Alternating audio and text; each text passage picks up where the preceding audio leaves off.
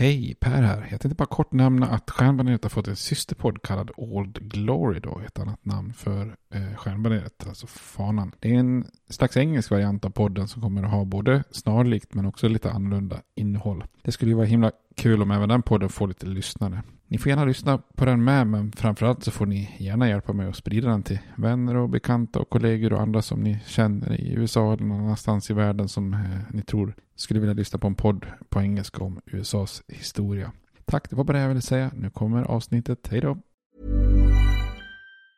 Burrow is a furniture company known for timeless design and thoughtful construction and free shipping, and that extends to their outdoor collection. Their outdoor furniture is built to withstand the elements, featuring rust-proof stainless steel hardware, weather-ready teak, and quick-dry foam cushions. For Memorial Day, get 15% off your Burrow purchase at burrow.com slash ACAST and up to 25% off outdoor. That's up to 25% off outdoor furniture at burrow.com slash ACAST. Everyone knows therapy is great for solving problems, but getting therapy has its own problems too, like finding the right therapist, fitting into their schedule, and of course, the cost. Well, BetterHelp can solve those problems. It's totally online and built around your schedule. It's surprisingly affordable too. Connect with a credentialed therapist by phone, video, or online chat, all from the comfort of your home. Visit betterhelp.com to learn more and save 10% on your first month. That's BetterHelp, H E L P. Millions of people have lost weight with personalized plans from Noom, like Evan, who can't stand salads and still lost 50 pounds. Salads, generally, for most people, are the easy button, right? For me, that wasn't an option. I never really was a salad guy. That's just not who I am. But Noom worked for me. Get your personalized plan today at Noom.com.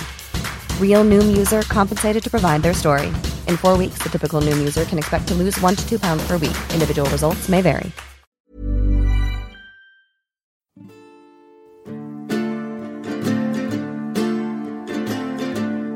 We hold these truths to be self-evident, that all men are created equal, that they are endowed by their Creator with certain unalienable rights, that among these are life, liberty, and the pursuit of happiness. Now we are engaged in a great civil war, testing that government of the people, by the people, for the people, shall not perish from the earth. And so, my fellow Americans, ask not what your country can do for you. Ask what you can do for your country. I have a dream. My four little children will one day live in a nation where they will not be judged by the color of their skin, but by the content of their character. Mr. Gorbachev, tear down this wall. I did not have sexual relations with that woman, Miss Lewinsky. Hej och välkommen till Stjärnpanelet, en podcast om USAs historia med mig Per Fjärdingby. Eh, jag tänker vi ska fortsätta den här serien om de politiska partiernas historia. De två senaste så har vi pratat om eh, det tredje och det fjärde partisystemet och eh, då är vi ju inne i de systemen när de gamla klassiska demokraterna och republikanerna är de partierna vi liksom framförallt följer, även om vi också ser att många tredjepartier uppstår och också inverkan på politiken och kanske också ibland är snubblande nära att konkurrera ut då, både demokraterna och republikanerna. Idag tänkte vi kolla på eh, det femte partisystemet som vi sa förra, eh, förra gången så avslutas ju det fjärde i, princip med att eh, den stora depressionen kommer och eh, eh Franklin D. Roosevelt väljs och eh, bildar den här, eh, skapar den här nya given eh, politiken och en, en, ny koalition då så att säga. Och där brukar man säga att startskottet går då för, för det femte partisystemet.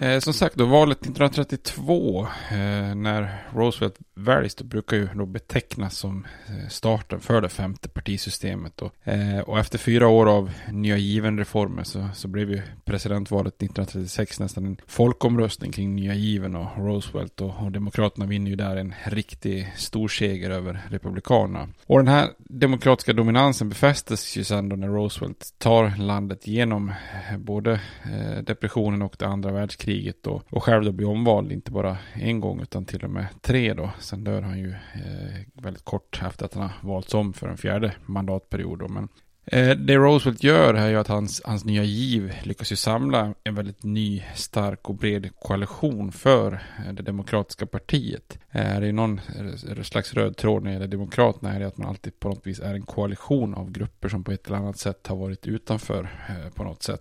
Och på många sätt är det en klassisk demokratisk koalition då, den här nya given koalitionen, att den är spretig med, med väldigt många olika typer av grupper som egentligen kanske har i grund och botten ganska olika syn och olika behov då. För det första så fanns ju de här klassiska demokraterna, alltså partiets eh, halva i södern där, där liksom demokraterna dominerat eh, sedan inbördeskriget då så att säga. För det andra så befäste han ju Demokraternas ställning bland arbetare och fattiga immigranter i de större städerna. Och de stora städerna börjar ju alltmer domineras av Demokraterna och utgöra liksom en ny stark bas för, för Demokraterna. Och till skillnad från tidigare så börjar allt fler fackligt anslutna arbetare att också rösta demokratiskt. Tidigare hade liksom facken varit relativt neutrala när det gäller partipolitik och eh, inte sällan så hade Republikanska partiet lyckats eh, övertala fack och industri och arbetarna att, att de var partiet som, som gav ekonomisk tillväxt och jobb och så vidare. Då. För det tredje så lyckas ju Roosevelt i den här koalitionen och också locka in då många från landsbygden och framförallt jordbrukare i väster som, som, som gynnas eh, av stöd från Nya Given-programmet. Mycket av Nya Given gick ut på att försöka hjälpa de här fattiga bönderna och få igång olika eh, politiska åtgärder för att, inte, för att minska så att säga den extrema fattigdomen som uppstod när jordbruket inte gick så bra eh, längre under depressionen då. Och för det fjärde så svänger ju också partilojaliteten bland afroamerikaner. Från att ha varit extremt lojala med, med Lincolns parti, Republikanerna, så svänger majoriteten eh, liksom över och, och blir från och med de här valen 32-36 nu väldigt lojala med Demokraterna då. Eh, så det är ju en viktig svängning, vi pratar mer om det i avsnitten kring medborgarrättsrörelser. Och två faktorer gjorde också nya given koalition och Demokraterna starka i väldigt många, många år framöver då. Eh, och det är ju framförallt den här svängningen bland jordbrukare och afroamerikaner som tidigare varit mer lojala mot Republikanerna. Eh, dessutom lockar man ju över mycket nya väljare från motståndarna. Eh, så antalet väljare har ju också ökat markant de här åren. Och de flesta väljarna kommer från den stora arbetarklassen som gynnades mest av nya given. Så att här bygger man ju upp en naturlig koalition utav alla de här grupperna som på, på ett eller annat sätt gynnas utav, utav nya given. Då. Dessutom så anslöt sig många eh, före detta progressiva republikaner från medelklassen då, från höger. Och även tusentals före detta socialister från vänster. Så att Roosevelt lyckas ju med den nya given samla väldigt många, både missnöjda grupper men också då progressiva grupper från den här progressiva eran som, som tidigare varit lite grann splittrade på de olika partierna. Då. Eh, och de missnöjda grupperna, industrins städer och så vidare. Så att, eh, och där, såg vi till exempel tidigare att de här People's Party hade svårt att fånga liksom både arbetarna i städerna och industrierna och jordbrukar eh, folket på landsbygden. Men den här nya given koalitionen lyckas ju samla eh, alla de här grupperna då. Och för att få sin nya breda demokratiska koalition säkrad för framtiden så förstod ju Roosevelt att han en gång för alla också måste eliminera det partiets så kallade två tredjedels regler, eller regel. Eh, ända sedan Andrew Jacksons dagar så hade ju de, de, de mäktiga demokraterna i södern via den här regeln nästan haft en slags vetorätt över partiets nominering av kandidater. Alltså när man på konventen ska rösta för vem som ska bli presidentkandidat så, så behöver man ha då två tredjedel bakom sig. Och det här gör ju då att en, en liten minoritet i södern får, får en slags mer eller mindre prakti i praktiken vetorätt. Då. Så så fort en kandidat inte, inte hade ansetts vara konservativ, konservativ nog då, eller om man uppfattas som ett hot mot Söderns då eh, segregerade samhälle, så hade man ju då stoppats av ett enat Södern. Eh, och det här hade ju hänt flera gånger då. Vi kommer ihåg eh, ett viktigt val innan inbördeskriget var ju det av Martin van Buren 1844, där, där han stoppades från att få nomineringen. Vilket gjorde att han fyra år senare bildade ett, eh, ett tredje parti, Free Soil-partiet. Och det hade också hänt med Al Smith 1924 som hade en majoritet av delegaterna bakom sig men inte ansågs vara bra nog i södern så att södern stoppar Al Smith från att bli nominerad. Och den här konservatismen hade ju liksom hotat, eh, jag skulle ju, visste, förstod Roosevelt skulle hota då partiets liksom, nyfin, nyfunna styrka bland de här grupperna, afroamerikaner och fackmedlemmar. Så när Roosevelts popularitet står som högst liksom då på konventet 1936 så lyckas han avskaffa den här regeln så att Demokraterna också valde presidentkandidat med enkel majoritet, precis som i, i Republikanerna. Då. Och det här är ju en väldigt avgörande händelse, kan låta lite trivialt, men eh, det här bryter ju Söderns totala dominans i, demokrat, eh, i Demokratiska partiet och som man i princip eh, egentligen har haft ända sedan 1840-talet. Eh, så ibland kan man ju beskriva det som att Demokraterna återigen på, på riktigt allvar blev ett nationellt parti då, en nationell koalition som har som är lika starkt både i nord och syd så att säga. Så rent parti, partipolitiskt så är ju den här nya given koalitionen som Roosevelt samlar runt sig en, en väldigt stor eh, framgång för Demokraterna. Vi såg ju tidigare här att tittar man på Demokraternas historia fram till depressionen så är det ett parti som bara egentligen har tappat och tappat och tappat och liksom blivit svagare och svagare. Eh, men nu i ett svep här då så lyckas ju då Roosevelt förnya Eh, partiet med den här nya given koalitionen. Och det är ju det demokratiska partiet som skapas 1936 som i mångt och mycket faktiskt fortfarande överlevt till idag då, efter, även om det naturligtvis varit vissa viktiga ändringar som vi kommer att komma till. Då. Och det demokratiska partiet skulle också dominera den amerikanska politiken i, i nästan fyra decennier eh, under det här så kallade femte partisystemet. Då. Eh, mellan åren 1936 och 1968 så, så dominerar man ju till exempel i Vita huset då eh, med demokratiska presidenter som Roosevelt och Harry Truman, John F. Kennedy, Lyndon B. Johnson. Och den enda republikanen som lyckades ta sig in däremellan var ju Dwight Eisenhower. Och han var ju då en väldigt moderat republikan och krigshjälte. Så att demokraterna vinner alltså sex av åtta presidentval under den här tiden. Demokraterna är också helt dominerande i kongressen med majoriteter i både senaten och representanthuset under 32 av 36 år. Så att här är ju ganska brutal dominans då. Eh, och demokraternas dominans är också en, en tid av, av, ganska stora reformer stundtals då. Dels Roosevelt som lägger grunden med sin nya giv och sen så kommer ju då eh, Lyndon B. Johnson med sin kulmen då i form av det här The Great Society som är hans tanke då. Och många ser ju Demokraterna och beskriver dem under de här åren som en naturlig majoritet. Alltså att man, man, det är majoritetspartiet och Republikanerna är på något vis för, förpassade till någon slags minoritetsparti. Då. Eh, och Roosevelt själv uttrycker tankar 1944 om att partierna kanske borde renodlas lite mer till ett liberalt och ett konservativt parti då. Han tänker sig själv att han ska stå för det liberala. Då. Eh, samma år år då, 1944, så lanserar han ju också tanken om ytterligare en ny giv då, eh, som han döper till en andra Bill of Rights. Eh, och han tänker sig att liksom människor behöver ekonomisk trygghet eh, som är lika starka då som den politiska tryggheten som den första eh, ursprungliga Bill of Rights eh, ger det amerikanska folket då. Så han vill egentligen skapa en slags ekonomisk rättighetskatalog. Men för att få igenom det här så behöver han ju ytterligare samla och renodla alla liberala politiker och skapa en ännu bredare liberal allians då. Men eh, han lyckas ju inte samla tillräckligt med liberala demokrater och locka över tillräckligt med liberala republikaner för att ta sig förbi de konservativa så kallade Taft-republikanerna eh, som då går i en ohelig allians med, med Söderns konservativa demokrater då. Så det blir ju aldrig någon andra Bill of Rights och, och, strax därefter så, så dör ju Roosevelt själv då. Men i förlängningen kan man ju faktiskt ibland när man läser om Roosevelts tankar ändå på något vis blicka tillbaka lite grann till Thomas Jefferson och grundlagsfädernas tankar. Alltså att han var, han var ju övertygad själv om att om en liberal koalition kunde expandera den federala staten och skapa liksom ett välfärdssystem så skulle det i förlängningen då stärka staten på bekostnad av partierna. Och han trodde att partierna skulle få allt mindre mening och inflytande och till slut lite nästan vittra bort då.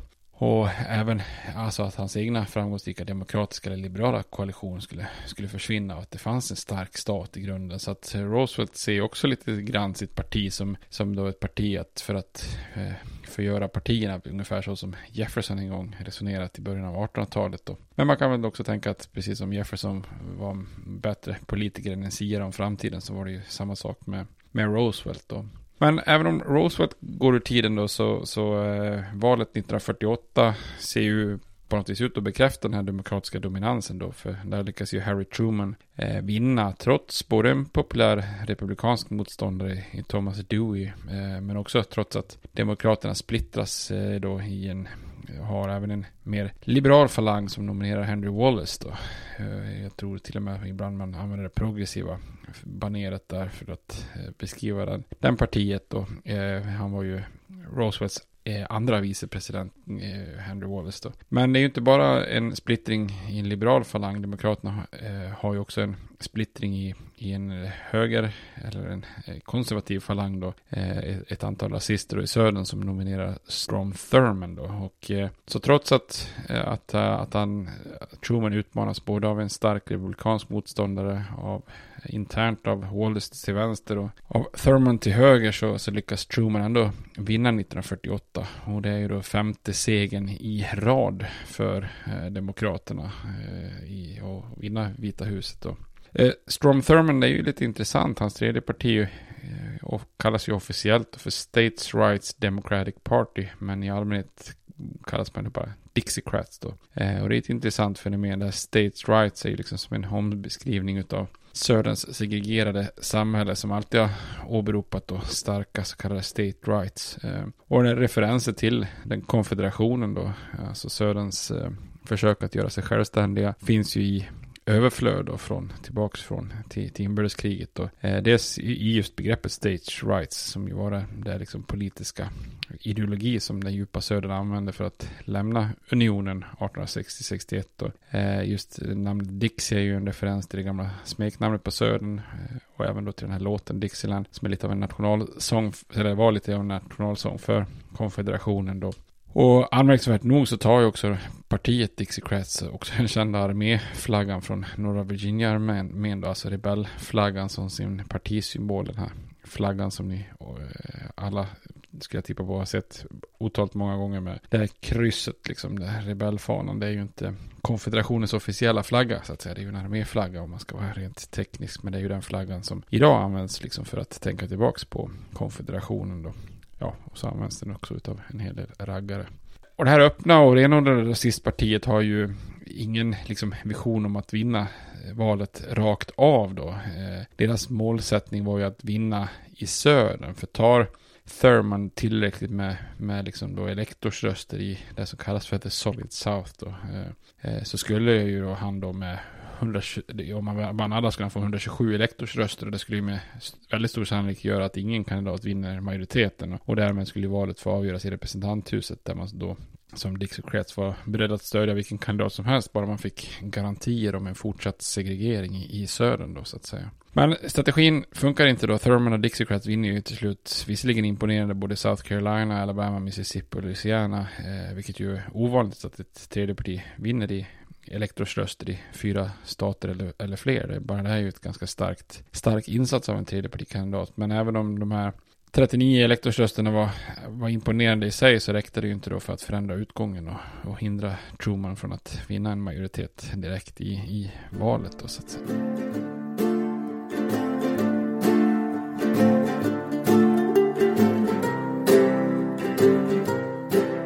Med Demokraternas dominans, eh, som man brukar säga då, som naturligt parti. Men samtidigt får man också, om man skrapar lite på ytan, inse att Demokraternas dominans inte är helt total då. Eh, dels har vi då på 50-talet en liten comeback för Republikanerna när partiet då i form eh, genom Dwight D. Eisenhower intar Vita huset då. Men Vägen dit var ju krokig tokig, eh, Republikanerna, för de var ju valet 1936 då med Roosevelts storslam och den här eh, nya koalitionen, eh, nya given koalitionen är ju liksom en enorm chock för Republikanerna då. Eh, man har ju dominerat fullständigt på 20-talet och nu är plötsligt så bara har man inte skuggan av en chans då. Förutom företagsledare och konservativa grupper och lite traditionalister i mindre städer så fanns inte så jättemycket kvar av det republikanska partiet som, som då bara dominerat på 20-talet Eh, har också dominerat liksom i princip ända sedan inbördeskriget i många lägen. Och Det skulle ta flera decennier för Republikanerna att återhämta sig från det här,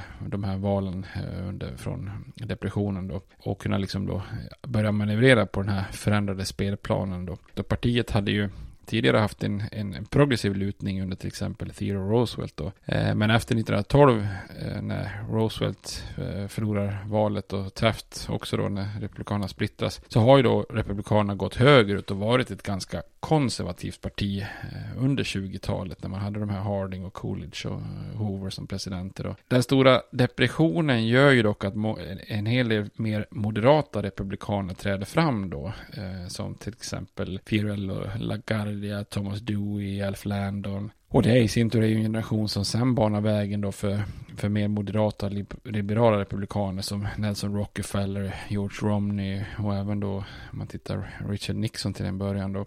Och de här moderata republikanerna stödjer ju väldigt många delar av Roosevelts nya giv och, och partiet väljer att nominera flera av de här moderata republikanerna under 30 och 40-talet för att utmana Roosevelt och Truman då. Bland annat är ju Alf Landon och Thomas Dewey då kandidater.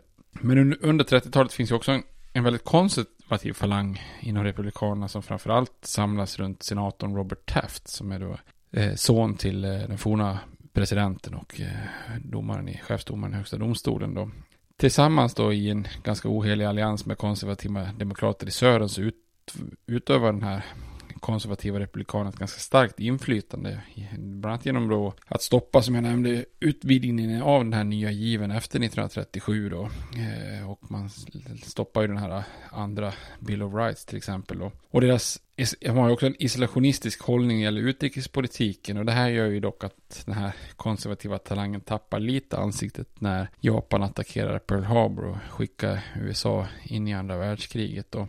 Eh, så under 40, 50 och 60-talet är ju Republikanerna ganska splittrade mellan den här konservativa eh, falangen och den här liberala falangen då. Eh, de liberala republikanerna fanns ju framförallt i nordöstra USA, brukar kallas för Rockefeller Republican, Republicans efter New Yorks guvernör och senare vicepresident eh, Nelson Rockefeller då. Medan de konservativa republikanerna fanns främst i mellanvästern och, och södern då, ledda först av Robert Taft och sen av Barry Goldwater. Det är ju de som banar vägen sen för Ronald Reagan då. De brukar kallas för Tafts, Taft Demo, äh, Republicans då. Men de liberala republikanerna, de står ju som sagt bakom väldigt mycket av Rosewoods nya giv då. Eh, och även bakom vissa delar av Lyndon B. Johnsons Great Society, till exempel medborgarrättsrörelsen då. Men till skillnad från Demokraterna så står de ju trofast bakom näringslivets intressen och trodde på en välbalanserad budget då. Så att de kan samarbeta med Demokraterna och gå med på högre skatter bara budgeten var balanserad och bara satsningarna gjordes på, på tillväxt och näringslivet då. Medan de konservativa republikanerna de är istället för renodlade skattesänkningar och vill ju minska då den federala budgeten för att öka den ekonomiska tillväxten och de är emot big government.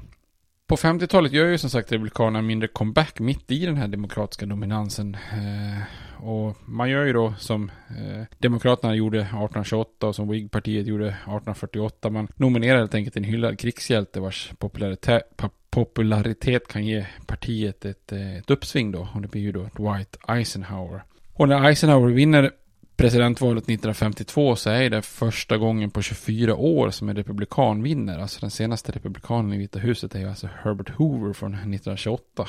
Eh, och under två år mellan åren 1952 och 54 så har ju republikanerna även majoritet i kongressen då. Så det här blir ju lite ett inspel. Men precis som Wilson och Demokraterna gör liksom en liten mini-comeback 1912 då, liksom mitt under den republikanska dominansen så, så vinner ju Demokraterna tillbaks kongressen redan 1954 då. Och mellan åren 1954 och 1980 så kontrollerar Demokraterna återigen kongressens båda kammare. Så det är ju ganska otroligt, det är i princip en 25-årsperiod där är du republikan så är du i opposition i, i oavsett om du sitter i senaten eller, eller representanthuset. Då.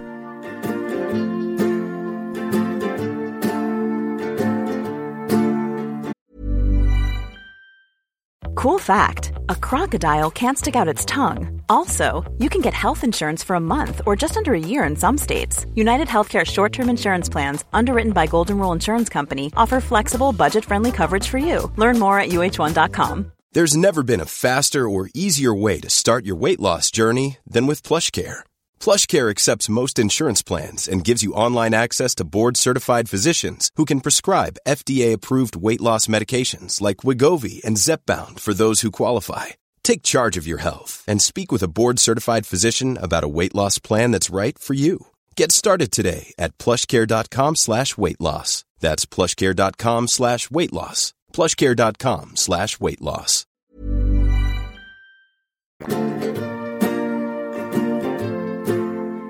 Trots den här fortsatta demokratiska dominansen så är det ett intressant fenomen att Eisenhower relativt enkelt eh, vinner då, alltså både 52 och 56, alltså han blir ju omvald. Eh, och han är ju en person då som går över partigränserna. Precis som många krigshjältar tidigare i amerikansk historia så hade han ju också faktiskt uppvaktats av båda partierna så att säga. Båda partierna vill ju ha eh, goa krigshjältar som kan vara populära bland folk då. Men Eisenhower är ju på många sätt liksom en, en, en, en medelpolitiker då. Han, eh, han är en väldigt moderat republikan som tilltalar de här mer liberala inom partiet. Eh, och han går ju hem under den här perioden eftersom han taktiskt då accepterar större delen av nya given-politiken eh, och han spinner dessutom vidare på mycket av Trumans utrikespolitik då. Eh, så att, eh, och hans vicepresident Richard Nixon är också en av de republikanska moderaterna vid den här tiden då. Och en orsak till den här tillfälliga framgångarna för republikanerna och ha sin man i Vita huset handlar ju om att många tidigare oberoende väljare kan rösta republikanskt och, och bli så kallade Eisenhower-republikaner. Och, och, de här nya republikanerna kände ju då liksom en ekonomisk trygghet efter nya given och en, eh, en utrikespolitisk trygghet efter att NATO skapas då, så att säga. Och eh, då i det här läget är ju, har ju republikanerna en ganska stor liberal falang då. Eh, sen 1964 kommer ju Republikanerna lida ett av sina värsta nederlag efter andra världskriget när man då nominerar en väldigt mycket mer konservativa Barry Goldwater därför att då är det ju otroligt många av de här så kallade Eisenhower-republikanerna som är mer liberala. De överger ju eh, Republikanska partiet där så Barry Goldwater blir ju förlorar ju jättestort i, i det valet då. Eh, Richard Nixon är ju en, också en intressant figur här, eh, central på 50 och 60-talet för republik, eh, republikanerna. Han är ju först vicepresident under Eisenhower, eh, sen förlorar han ju ett eh, oerhört jämnt val mot John F. Kennedy 1960. Eh, han står ju över valet 1964 då när republikanerna gör ett katastrofval under Goldwater. Och sen så ställer han ju själv upp igen då och vinner 1968 då. Och just det här valet 64 sticker ju verkligen ut i den här eran för Republikanerna. Barry Goldwater är ju den enda konservativa republikanen som i princip vinner partiets nominering som presidentkandidat mellan Herbert Hoover 1932 och Ronald Reagan 1980 då. Så på, under den här, hela den här knappa 50-årsperioden så är ju Goldwater den enda konservativa kandidaten och han går ju oerhört dåligt i, i valet 64 då. Eh, så bilden av den här demokratiska dominansen och demokraterna som en slags naturlig majoritet under det här femte partisystemet behöver ju också nyanseras en, en del då. Eh, dels är ju republikanerna fortfarande starka regionalt och lokalt på många ställen. Eh, dels vinner ju inte demokraterna med särskilt stora majoriteter i, i, i alla val direkt. Eh, och dels så har vi ju en, ett antal republikaner som faktiskt stöder innehållet i demokraternas politik samtidigt som man då har de konservativa som lyckas stoppa till exempel då den här andra Bill of Rights. Så att eh, politikens innehåll påverkas ju ändå av eh, republikanerna trots att man inte eh, dominerar så mycket i kongress och, och Vita huset. Då.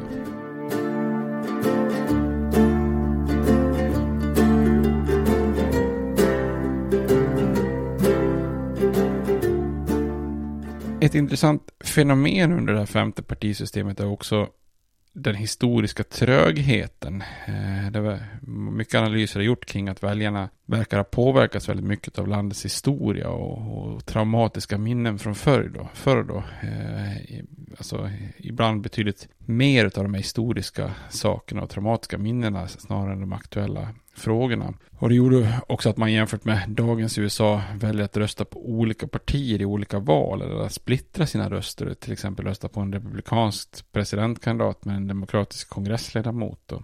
Eh, och en faktor är ju södern där republikanska presidentkandidater kunde göra sig bra ifrån sig. Till exempel då Eisenhower och även om han går relativt bra i södern för att vara republikan, republikan på 50-talet så var det ju då enbart i presidentvalet. Eh, I princip inga kongressledamöter från södern vid den här tiden var ju republikaner. Partiet fanns ju knappt i södern. Så väljare i söder kunde här till exempel splittra sina röster och rösta på eh, olika demokratiska kandidater när det gäller eh, kongressen. Men samtidigt lägga sin presidentvalsröst på en republikan som Eisenhower. Då.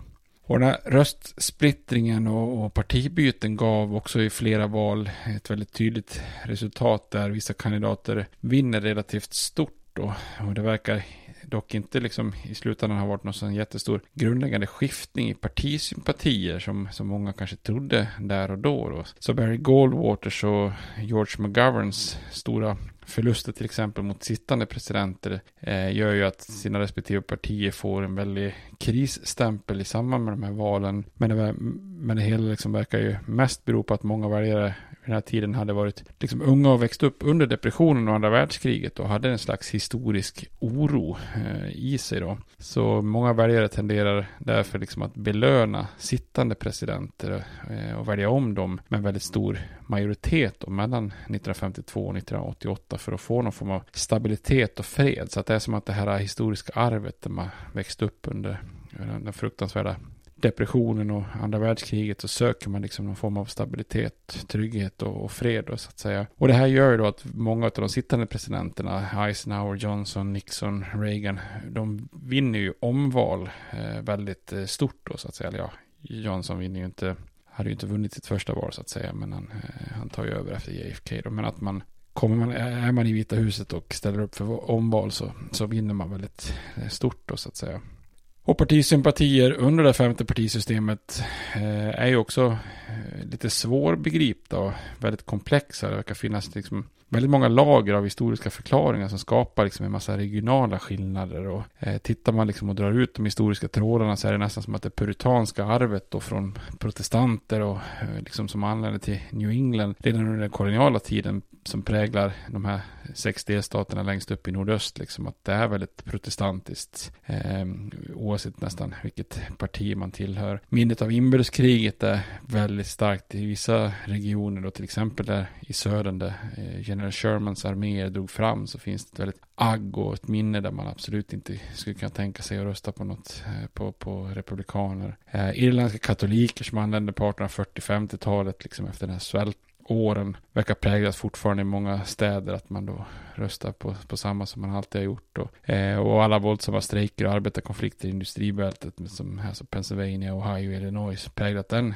regionen. Så det är, det är som ett stort schackbräde som det stundtals är väldigt svårt att förstå. Eh, var kommer lojaliteterna från till de olika partierna? Och där en grupps svängning i en, en region liksom kan avgöra ett annars eh, ganska jämnt val. Då, så att säga. Så, så det är svårt att dra ut några stora penseldrag egentligen under det här femte partisystemet. Då. Det kommer ju en övergång sen till eh, det sjätte partisystemet och man brukar ju säga då att det egentligen är valet av Richard Nixon 1968 som får vara symbolen då för att USA lämnar det femte partisystemet och går in i det sjätte. Och bakgrunden till det här valet är, och, och den här svängningen är ju den turbulenta tiden som USA går igenom på 60-talet och som skapar väldigt stora interna stridigheter i, i demokraterna och, och raserar den här nya given koalitionen. Eh, 60-talet är ju en väldigt turbulent tid för USA. Väldigt mycket kulturella frågor som hamnar i fokus då. Med kulturkrig och medborgarrättsrörelsen som går på högvarv åren 1960-65 och slutar då med att den legalt sociala eh, rasdiskrimineringen i södern då, Jim Crow, kämpas ner och att afroamerikaner till slut kan rösta i södern genom då Voting Rights Act från 1965. Samtidigt är också Vietnamkriget en väldigt söndrande fråga som resulterar i ytterligare protester men som också då slukar resurser från det här Great Society-satsningen som Johnson gör så att den också stannar av. Eh, vi har ett, ett antal politiska mord som äger rum och chockar nationen då, båda, båda bröderna Kennedy och de afroamerikanska profilerna Martin Luther King och Malcolm X då Eh, och det femte partisystemet som då domineras av Demokraterna sedan nya givens början börjar då sakta lösas upp och parti, partiernas hållning då till medborgarrörelsen bidrar väldigt starkt och vita väljare i södern börjar sakta byta parti och rösta på Republikanerna i presidentvalet. Då. Så den demokratiska Solid South blir ju sen successivt även på kongressnivå då efter 80-talet nästan lika solid för Republikanerna som den tidigare har varit för, för Demokraterna då så att säga. Och det är också mycket demokratiska faktorer som också börjar stärka Republikanerna. Under 1900-talets första hälft hade ju Demokraterna vunnit oerhört mycket på att folk hade flyttat från landsbygden till städerna och den här stora migrationen som ägde rum av afroamerikaner som lämnade södern för nordstaterna hade ju gynnat det demokratiska partiet med fler väljare. Då. Men de demokratiska trenderna på 60 och 70-talet gynnar ju snarare då republikanerna då. Eh, det är väldigt mycket vita amerikaner flyttat till förorterna, eh, både från innerstäderna och från landsbygden och den här tidigare lojaliteten till demokraterna som, som många haft i exempelvis städerna då luckras upp när man eh, bor i förorten då. Dessutom sker det också en förflyttning av många från nordöstra USA och mellanvästern söderut till det så kallade eh, solbältet, Sunbelt. Eh, och många av de som flyttar kommer ju från mindre städer i norr och eller i förorter där man hade röstat republikanskt. Så för första gången på, på länge så kunde ju republikanerna börja konkurrera med demokraterna i, i stora delar av södern då. Eh, tittar man på delstater som Arizona, Utah, Colorado blir relativt snabbt helt plötsligt republikanska då. Eh, Medan då valen i de stora städerna i söder, eller staterna i, i södern och Florida, Texas och även om man tittar på Kalifornien på västkusten så blir, blir ju helt plötsligt eh, valen mycket, mycket mer jämna då. Och ett tydligt tecken på vikten av, av de här staterna är ju att eh, de fyra efterkommande republikanska presidenterna efter Eisenhower då, om man tittar på tänker på Nixon, Reagan, Bush och, och, och Bush igen då, alla kommer ifrån solbältesstater som Kalifornien och Texas och så vidare. En tydlig framgång för Republikanerna är också att de vinner över många katoliker till partiet. Traditionellt hade ju katolikerna röstat demokratiskt sedan 1800-talet, men i takt med att man flyttat från innerstäderna ut till förorterna börjar man ju stödja Republikanerna och deras mer konservativa sociala värderingar. Och den viktigaste frågan att vinna över katoliker eh, är ju på många sätt den här rätten till abort som Republikanerna eh, är mer emot än, än Demokraterna. Då. Det som verkligen banar vägen för valet av Nixon då, att Republikanerna gör ett stor comeback, det är ju då, och, och, att det nya partisystemet föds då, det är ju väldigt mycket då de interna stridigheterna bland Demokraterna då. Och den fråga som orsakar partiet mest smärta är ju Vietnamkriget och Lyndon Johnsons eh, hantering av kriget då. Man kan väl säga så här att inte sedan annekteringen av Texas 1844 så hade en utrikes politisk fråga varit så splittrande för, för ett parti. Då. Eh, inför valet 1968 så blev ju eh, eh, blir då en, den sittande presidenten på allvar utmanad redan i premiärvalen då när Eugene McCarthy börjar utmana president Johnson. Och trots att Johnson faktiskt vinner första primärvalet i New Hampshire så, så tolkas ju McCarthys eh, starka stöd som en väldigt som en väldig motgång för den sittande presidenten. Och det är ju efter det som Johnson chockar landet med att eh, helt plötsligt dra sig ur då och proklamerar att han inte kommer att ställa upp för omval. Och premiärvalet därefter står ju mellan vicepresidenten Hubert Humphreys som, som stödde Johnsons krigslinje och, och, två kritiker av kriget i form av Robert Kennedy och, och då eh, Eugene McCarthy. Eh, men eh, Kennedy blir ju som bekant mördad efter att han vunnit primärvalen i Kalifornien. Eh, och det här gör ju då att det är McCarthy mot, mot eh, Humphreys då. Eh, och Demokraternas partikonvent i Chicago blir ju extremt kaotiskt då. Och även om Humphreys hade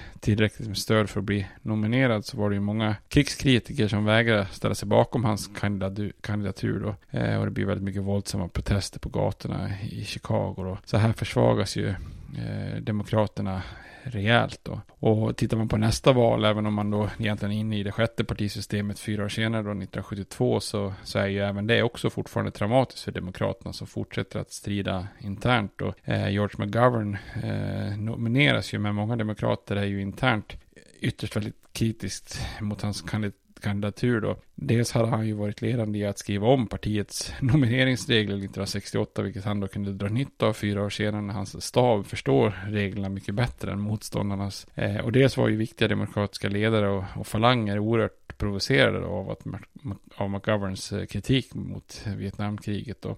Så för första gången någonsin så vägrade till exempel facket EFL då, American Federation of Labour, att ge sitt officiella stöd för en demokratisk presidentkandidat. Och McGovern skulle ju bli den första demokratiska presidentkandidaten sedan inbördeskriget att inte vinna i, i södern då. Eh, faktum är att han inte egentligen vinner en enda sydstat 1972 då. Och Nixons seger där ju, blir ju till slut enorm då i valet 72 då, 520 mot 17 elektorsröster, vilket ju är en av de största segrar någonsin så att säga. Sen är ju såklart en av brickorna i det här spelet ett inbrott i Demokraternas eh, lokal i Watergate-byggnaden som är facit i hand då med en stor seger som det där var ganska överflödig men som sen får Nixon på fall då så att säga.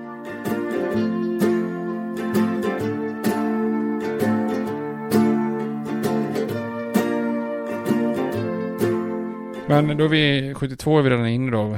Man brukar säga ju att starten för det nya partisystemet är 68 då. När Nixon väljs första gången då.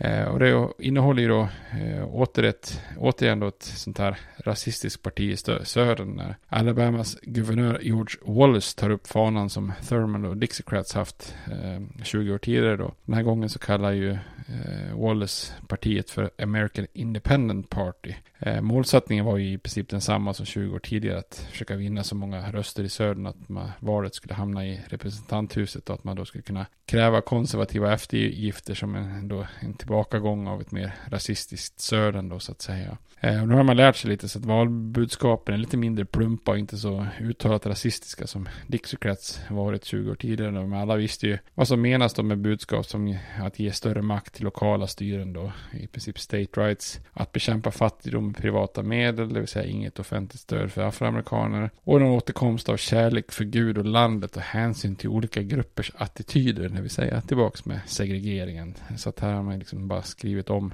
man vill helt enkelt ha tillbaka södern som det har varit innan då.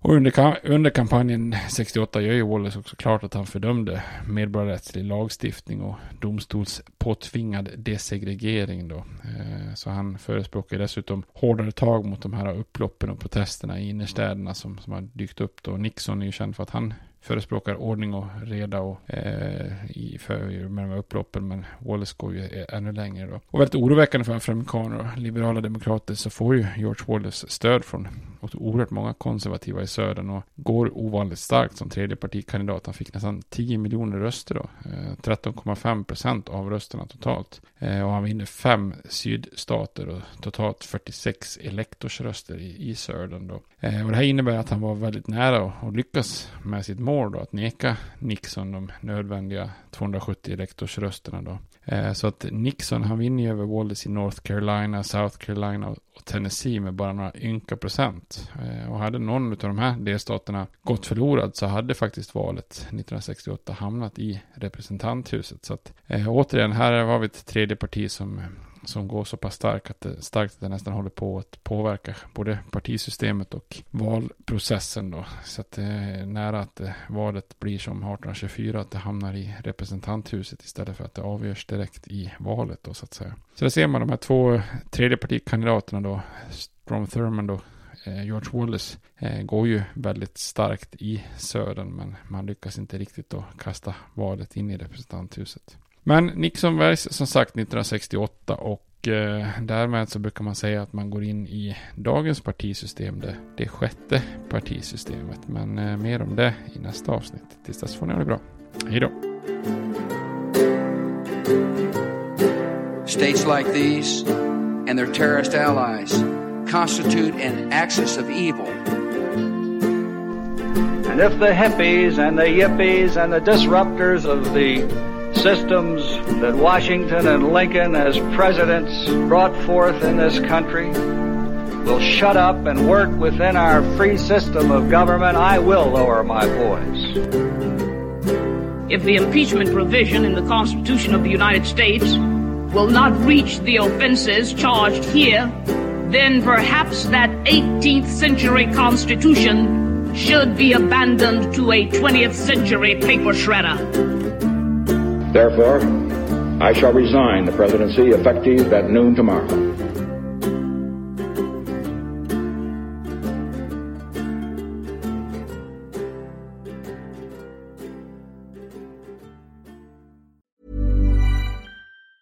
Hey, it's Danny Pellegrino from Everything Iconic. Ready to upgrade your style game without blowing your budget? Check out Quince. They've got all the good stuff shirts and polos, activewear, and fine leather goods all at 50 to 80% less than other high-end brands. And the best part? They're all about safe, ethical, and responsible manufacturing. Get that luxury vibe without the luxury price tag. Hit up quince.com slash upgrade for free shipping and 365 day returns on your next order. That's quince.com slash upgrade. Hey, it's Paige DeSorbo from Giggly Squad. High quality fashion without the price tag. Say hello to Quince. I'm snagging high-end essentials like cozy cashmere sweaters, sleek leather jackets, fine jewelry, and so much more. With Quince being 50 to 80% less than similar brands. And they partner with factories that prioritize safe, ethical, and responsible manufacturing. I love that. Luxury quality within reach. Go to quince.com slash style to get free shipping and 365 day returns on your next order. Quince.com slash style.